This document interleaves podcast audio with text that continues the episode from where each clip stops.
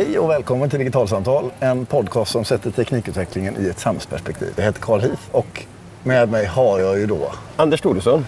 Hej Anders! Hej Carl. Vet du vad? Det här är ju din eh, första Almedalsvecka. Vi sitter i ett par solstolar under ringmuren med en skön utsikt över Östersjön. Ja, en kall bris. En kall bris, det är lite kylslaget. Men, eh, och vi befinner oss mitt i Almedalsveckan. Och du har inte varit här förut. Nej. Eh, Så min första fråga till dig. eh, Du är här för att göra intervjuer, jobba med din journalistik och din bok och, du, eh, och banda in digitalsamtal med mig. Precis. Så vad är ditt första intryck, tänker du? Jag, har, jag har varit här sedan i söndags i, vad blir det, snart tre dygn då. Två och ett halvt dygn. Och jag har fått, jag, jag har funderat en del på, ur, ur liksom ett helikopterperspektiv funderat en hel del på det här med filterbubblor. Och kan, kan konstatera att den bilden som jag har fått utav Almedalen utifrån liksom den mediebild som jag har fått till mig under tidigare år. Dels från branschmedia eh, som journalist, läser journalisten Dagens Media Resumé. Men sen också som, som eh, allmän mediekonsument via Dagens Nyheter och Ekot och så vidare.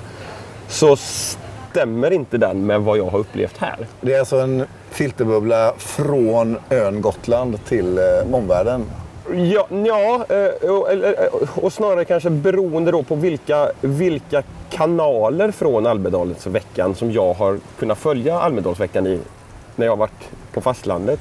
Stämmer inte överens med det som jag har kunnat ta Vad del är av här. skillnaden? Eh, I, i, I branschmedia så, så är det väldigt stort fokus på PR och kommunikationsbranschen, vilket i- i- jag inte, jag jobbar inte i den, men jag har, har med den att göra. Och det, men samtidigt, liksom, de frågorna som, som kanske framförallt Resumé och Dagens Media skriver om har liksom inte känts aktuella och viktiga för mig.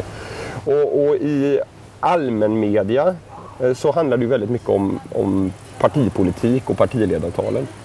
Och jag är inte, mycket av det som jag skriver om har ju givetvis påverkats utav, utav eh, politiken eller, och så vidare. Men, men liksom, jag är ju ingen politisk politikreporter. Um, men när jag kom hit så insåg jag ju att, eh, och det kanske är liksom konstigt att man inte gör det ändå, men det, det jag har sett och som vi kommer att prata om här är ju, har ju ingenting med media och kommunikationsbranschen att göra. Det är inte det som jag har valt att, att, att gå på. Och det som, och inte heller, jag har inte sett några partiledartal, jag har inte liksom lyssnat på några par- partipolitiska debatter på det sättet. Så om man inte håller på med någonting av det som syns i media med Almedalen, vad är din upplevelse av Almedalen då?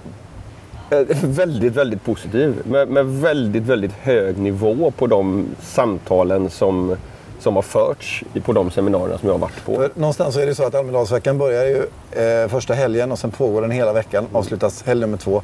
Och den mesta aktiviteten det är ju på vardagarna i mitten på veckan. Och totalt så är det över 4 100 seminarier här. Varav ungefär 700 handlar om digitalisering. Eh, och jag förstår ju att du har inte bockat av alla dem. Nej, inte riktigt alla. Nej. Men om vi skulle liksom kasta oss in i, för du har ju fått, all, som alla som är här, så måste man göra ett urval. Och du är ju intresserad av samhällsfrågor och digitalisering, så du har ju liksom trattat ner dig på de eh, områdena. Så om du skulle liksom, vilka, vilka största frågor är det som du har besökt Ja. och upplever här? En, en fråga som, som skär igenom väldigt mycket av det som jag har gått på men som man ser även diskuteras överhuvudtaget här. Det är, det är hur valrörelsen 2018 kommer bli. Uh, ur en fake news, faktaresistens perspektiv. Det finns en, en, en oro för eh, informationspåverkan kring eh, felaktigheter i debatten. Eh, och, och att det här tas upp från ganska många olika perspektiv. Från, från journalister, från politiker, från eh, olika typer av organisationer. Kring, kring hur kommer, kommer valrörelsen 2018 bli? Eh, vad finns det för, för sätt att ha- hantera det Vad är här? det man att- menar när man säger hur valrörelsen med, kommer bli med fake news och, och Nej. desinformation? Nej, men, ja, men det, det som man har sett i, i eh, kanske framförallt det amerikanska presidentvalet med, med påhittade nyheter som, som ska liksom utmåla politiska motståndare på helt galna, konstiga sätt. Och varför, vem har ett intresse av det? Ja, det finns ju massa olika eh, grupper som har, som har intressen av det här. Eh, och, och jag, jag, tänker att det handlar liksom inte bara om, om de här stora rörelserna med, med som det har pratats om i, i, i samband med USA med Ryssland och så vidare. Utan alltså, allt fler blir ju duktiga på att utnyttja eh, sociala medier och spridningsmekanismerna där för att få ut sitt budskap eh, på, på väldigt, väldigt effektivt sätt. Och, det här, och, och sen kopplar ju det här då vidare till, till en, en debatt och en diskussion om källkritik. Eh, och, och, förmågan att, att genomskåda vad saker och ting egentligen är. Vilket ju är svårt. Vi var inne på det i, bara för något avsnitt sen om vad, vad digital källkritik faktiskt är och, och, och, hur mycket svårare den kommer bli på några års sikt med de här tjänsterna som Lyrebird som gör det möjligt att, att imitera eh, andra personers röster och så vidare. Um, och det, det, det, finns också, upplever jag, en, en, en stress här över att det, det, finns en oro för hur den digitala kompetensen faktiskt, hur det står till med den och förmågan att ägna sig åt den här typen av källkritik. Och det, det kommer vi komma tillbaka till om en liten stund det här med den nya läroplanen i skolan som börjar gälla från och med 2018 och eh, där källkritik är en del utav det. Men, men det är ju liksom det är ju för sent för nu. Så du menar att liksom, eh, det finns liksom olika tidshorisonter när man pratar om fake news och, mm. och desinformation. Att liksom en, ett svar som man väldigt ofta lyfter för att lösa det här handlar om att så här, skolan och utbildning och källkritik och mm. sånt. Men eh, så har vi ett val höst, hösten 2018 mm. och innan dess så behövs det liksom göra aktiviteter som är nu-aktiviteter som man bara inte kan vänta med. Ja. Och, och, det är inte liksom en bred, generell, långsiktig satsning. För det hinner, det, man, det hinner inte. man inte nu. Okay, så vad skulle det vara för någonting som man behöver liksom gräva ner sig i nu då? Jag, jag vet inte. Eh, och just, alltså, jag har varit med i några samtal där, där det liksom har, har lyfts kanske en del lösa tankar kring det här. Men, men det känns ändå som att det, det här och nu, den här veckan, de här dagarna, eh, är det mer en, en, en diskussion kring att någonting behöver göras, att det behövs liksom gemensamma kraftsamlingar eh, och för att få till en, en sansad och bra debatt som är, som är faktabaserad så det räcker liksom inte med att det är typ en myndighet eller Skolverket som ska göra något, utan det handlar om ett liksom brett samhällsengagemang. Ja, där, där många behöver, behöver göra saker och ting. Och alltså det, det, det finns liksom både, både liksom väldigt stora perspektiv på det här, men det, det går också att hitta väldigt eh, specifika frågeställningar. Vi, vi hamnade i en diskussion eh, igår om, om det här med betalväggar. Eh, för, för, det finns så många olika aspekter som, som kopplar in. Och, och betalväggar det handlar ju ofta om, om, traditionella mediers sätt att låsa in information. Men den diskussionen som var igår, den handlade om, om inlåsning utav, utav forskningsresultat. Som ju publiceras i vetenskapliga tidskrifter med skyhöga prenumerationskostnader. Så det här att eh, när jag som forskare skriver en vetenskaplig artikel mm. så gör jag det och publicerar den i en vetenskaplig tidskrift. Mm. Och den tidskriften har mm. ett avtal med mig som gör att det bara är forskningsbibliotek och sådana med särskild access mm. som kan ha mm. tillgång till det om man inte köper för väldigt, väldigt mycket pengar rätten att läsa. Uh, och, så det skulle då, är, är, logiken då på något sätt att eftersom vi har de här inlåsningseffekterna på uh, forskningskunskap mm. så fråntar vi människor möjligheten att kunna ägna sig åt en god faktakoll. Är det ja, det som är... Ja, men precis. För, för liksom, diskussionen handlar ju nu om att, att vi behöver Alltså åsikter är ju okej att ha, men vi måste liksom föra en, en åsiktsdiskussion utifrån en, en vedertagen faktabas. Och, och, då är det ju viktigt att, att den här faktan faktiskt finns tillgänglig för så många som möjligt att, att ta del av. Um, men, men sen det kopplar också vidare, tänker jag, till, till den här inlåsningen som traditionella medier gör utav, utav sina liksom, djupa, grävande reportage och, och så vidare. Att de, alltså jag, jag, har full förståelse för att, att, det, att man vill prova olika sätt att hitta en ekonomi i sin, i sin journalistik. Det är liksom inget, inget konstigt i det. Men, men inte desto mindre så har den här typen av betalväggar kan ju också få demokratiska konsekvenser. Därför att då, då, då, då blir det inte öppet för vem som helst att läsa den här faktabaserade journalistiken. Kanske så vad som händer är att du som journalist kanske har tillgång till den. Du skriver en artikel men du kan egentligen inte länka till någonting för liksom själva datan som du baserar mm. på den är bakom en eh, vetenskaplig betalvägg. Ja, men dels det men sen också den artikeln som jag då skriver ja. utifrån det här gentemot mina läsare. Den hamnar också bakom en betalvägg som gör att, att eh, det blir en en betalande prenumeranter, som, som givetvis, det, det är de som betalar min lön, eh, som, som tar del av den här. Men, men det, det öppnar ju också upp för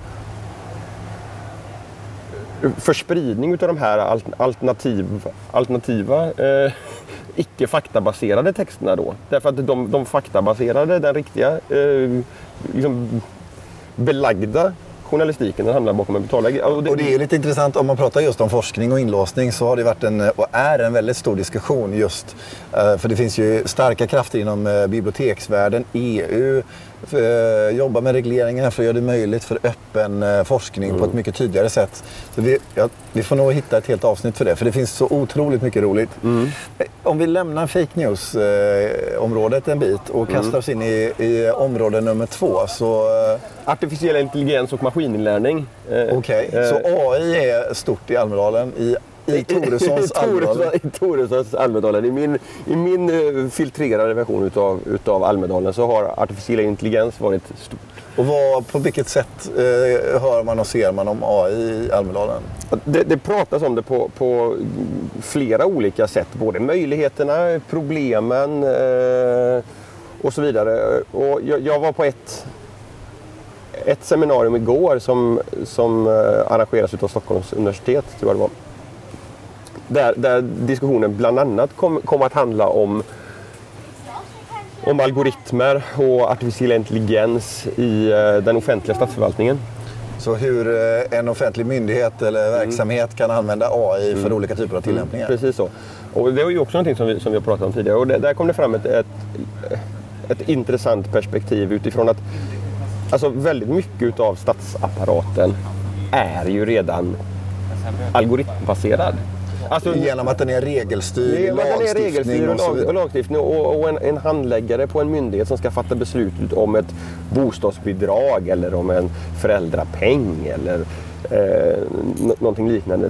Den människan följer ju den algoritmen som lagen faktiskt är. Om, om vi liksom går tillbaka till ah, det här. Så du tänker så här, någon kommer till eh, eh, och, och, söker bostadsbidrag. Mm. Lämnar in en massa uppgifter mm. om eh, inkomst och vad det nu är man måste ha. Mm. Liksom, för att få, och, ja. Mm. och eh, all den datan, då sitter en handläggare och går igenom i relation till eh, regelverket och mm. bockar av. Så här, mm. följer är den här personen i mallen. Mm. Och att tanken då är att det här löser en AI i, mer rättssäkert än vad en individ gör. Ja, det, det, det, är ju tanken. Eh, men, men de perspektiven som kom upp då är, är ju dels det att, att de här algoritmerna, de här reglerna finns ju redan. Så att det är ju inget fundamentalt nytt egentligen när vi, när vi för in de här mer datoriserade, mer komplexa systemen än vad som finns idag. Och det är ju en viktig grundförståelse att, ha med sig att, att det, så här är det redan idag. Och det som de, de här mer avancerade systemen då kan göra, dels behövs det ju Därför att de, de här systemen som är baserade på AI och maskininlärning, de, de pratas det ju ofta om som, som svarta lådor. Att man inte riktigt vet hur de här modellerna som, som finns i de här systemen är, är uppbyggda och konstruerade. Och, det kan man ju kanske inte riktigt acceptera i, i den offentliga verksamheten. Utan där behöver det vara en transparens så man kan säkerställa att det här är verkligen ett system som fattar beslut så som lagstiftaren har avsett att besluten ska fattas. Det, får, det får ju liksom inte finnas någon tvetydighet där. Och det, det, det kom ett senare avsnitt om i, i, i, podden där jag intervjuade eh, en docent i Linköping som heter Fredrik eh, Heinz. Så det är en liten teaser det är en liten för vad som komma skall? Där, där, vi bland annat pratar om det här. Eh, om, om hur man verifierar att, att eh, maskininlärda system blir kontrollerbara. Men den, den här transparensen behövs, men om den väl är på plats då hamnar vi ju förhoppningsvis i ett mer rättssäkert läge därför att då är du inte som medborgare i din relation till en myndighet längre eh, utlämnad till att den handläggare som tar just ditt ärende faktiskt just den dagen har sovit gott eh, inte hade en kass morgon med barnen är på jävligt dåligt humör och fattar stressade och, och, beslut. Eller att den inte är tillräckligt påläst på just ditt specialfall. Utan alla kommer få samma behandling. Ja, det finns ju forskning till exempel eh, vad gäller hur domare fattar beslut och där man kan se att eh, domstolen, eller domarens Eh, hur domaren dömer skiljer sig beroende på tid på dygnet mm, och veckodag. Mm. Efter lunch är, är dåligt. Ja, så vill man, eh, hamnar man av mot förmodan i en domstol och Tidigt, tid, tidigt veckan och tidigt på dagen har jag för mig. Ja, men precis.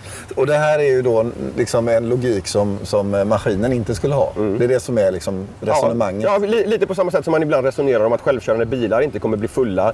De kommer inte distraheras av barn som bråkar om vilken film som ska vara på i underhållningssystemet eh, och, och, och så vidare. Så, så finns ju samma möjligheter här. Om vi eh, lämnar också den artificiella intelligensen bakom oss för mm. ett ögonblick. Mm. Eh, område nummer tre mm. som du eh, fastnat i under din första Almedal, Anders? Eh, skolan och digitaliseringen av skolan. Jag håller på att skriva en, en bok om det. Eh, så det, jag var på många sådana seminarier i, i måndags där du ju också fanns på plats. Ja, precis. Eh, som, som eh, moderator.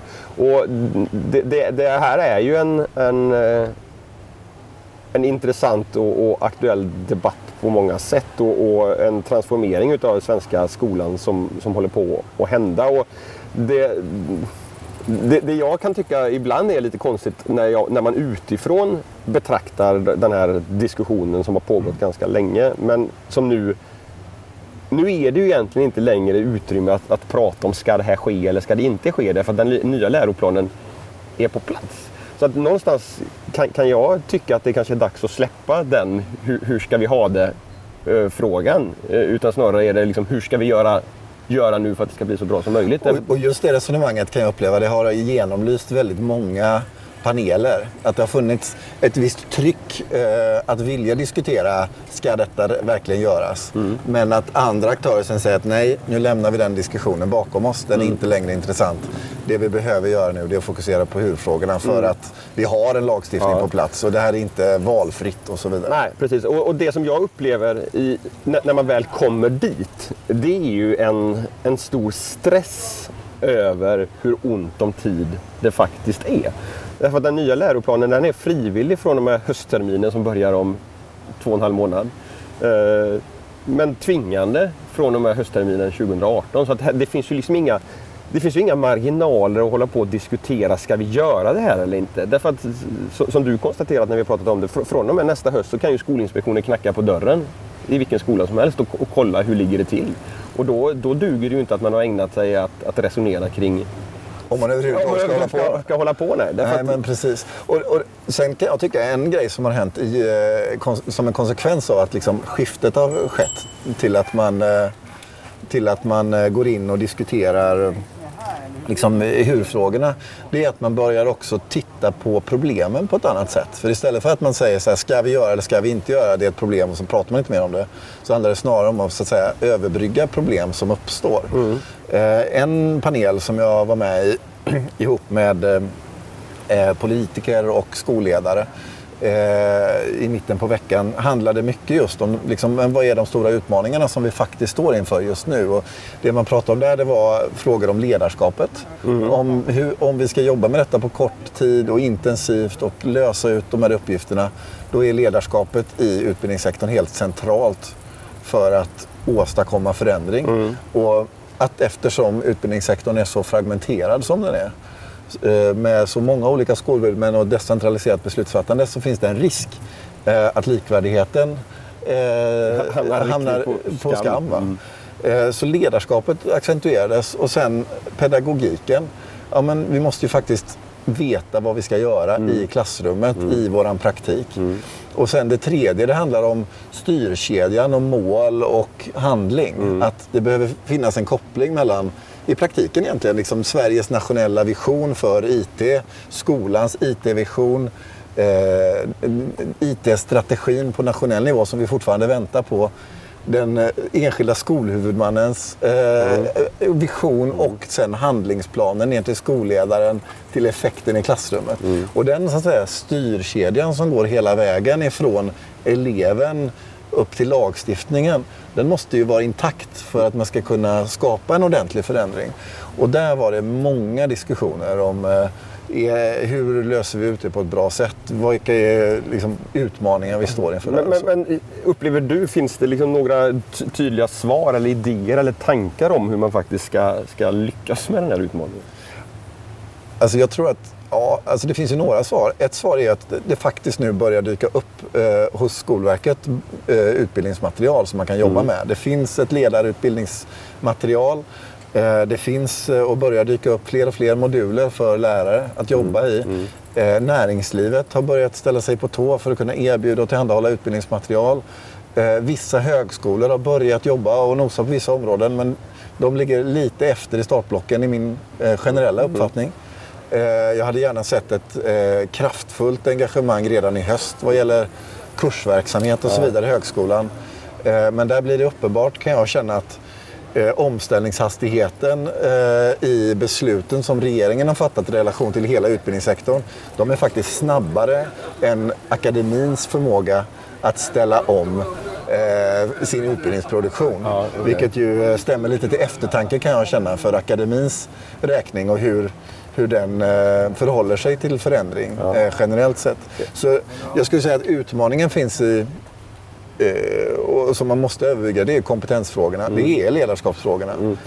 Och sen den här bryggan som är väldigt komplex mellan staten och skolhuvudmannen. Mm. Så var är rågångarna? Vem förväntas göra exakt vad? Och just nu kan jag känna att det känns som att ingen kan luta sig tillbaka. Alla måste göra någonting. När vi i tidigare avsnitt har pratat om väldigt konkret om hur, hur, pedagogiken kan tänkas se ut och vilka verktyg man ska använda och sådär. Så har vi, har vi konstaterat att från näringslivet och även från ideella liksom, organisationer och initiativ som, som Microbit i, i, i Storbritannien och så vidare. Så det, det finns liksom en, en, Redan då fanns det en väldigt stor flora med, med verktyg kanske framförallt för, för programmeringsundervisningen att, att välja bland. Och vi konstaterade då att, att det som, som enskild pedagog är det ganska svårt, eller som enskild rektor, att, att veta ja, men vad ska våran skola satsa på? Vilka verktyg ska vi välja för våra klassrum? Vad fungerar, vad fungerar inte?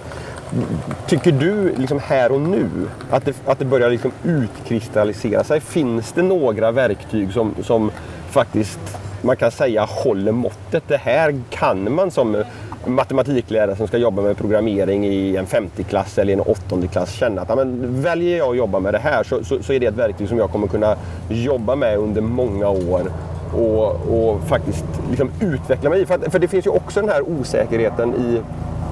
Du ska få svara på frågan strax, men, men att um, lärarna är ju inte kanske alltid där från dag ett från och med nästa hösttermin. Och det, alltså det är full förståelse för att det, det, det, har, det, har ju, det går snabbt nu. Men eh, att man då ska kunna känna att eh, det, det jag väljer att satsa på, att det, ska, att det verktyget inte ska vara borta ett år senare för att företaget, det här liksom lilla häftiga startupbolaget som var riskkapitalfinansierat men inte lyckats få snurr på verksamheten har försvunnit och liksom allt det som vi har investerat i och den, både tid och, och, och kompetens och pengar är, är förlorat. Finns, börjar det utkristallisera liksom, ja, men det här kan man, kan man välja?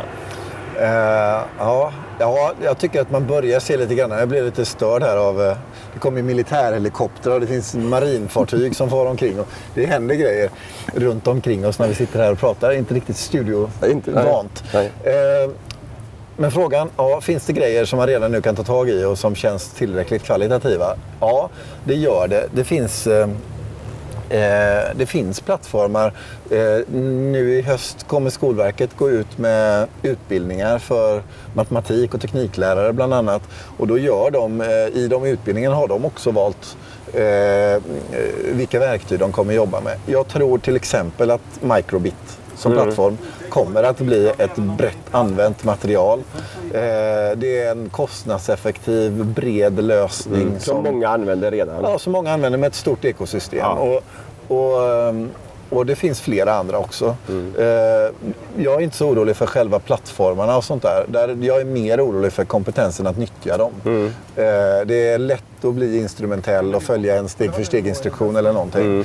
Eh, men eh, nyttomaximera de här plattformarna, det gör man med god kunskap. Eh, och det är det som kommer vara haken, inte om eh, det finns en bra teknisk lösning eller inte. Nej, just det.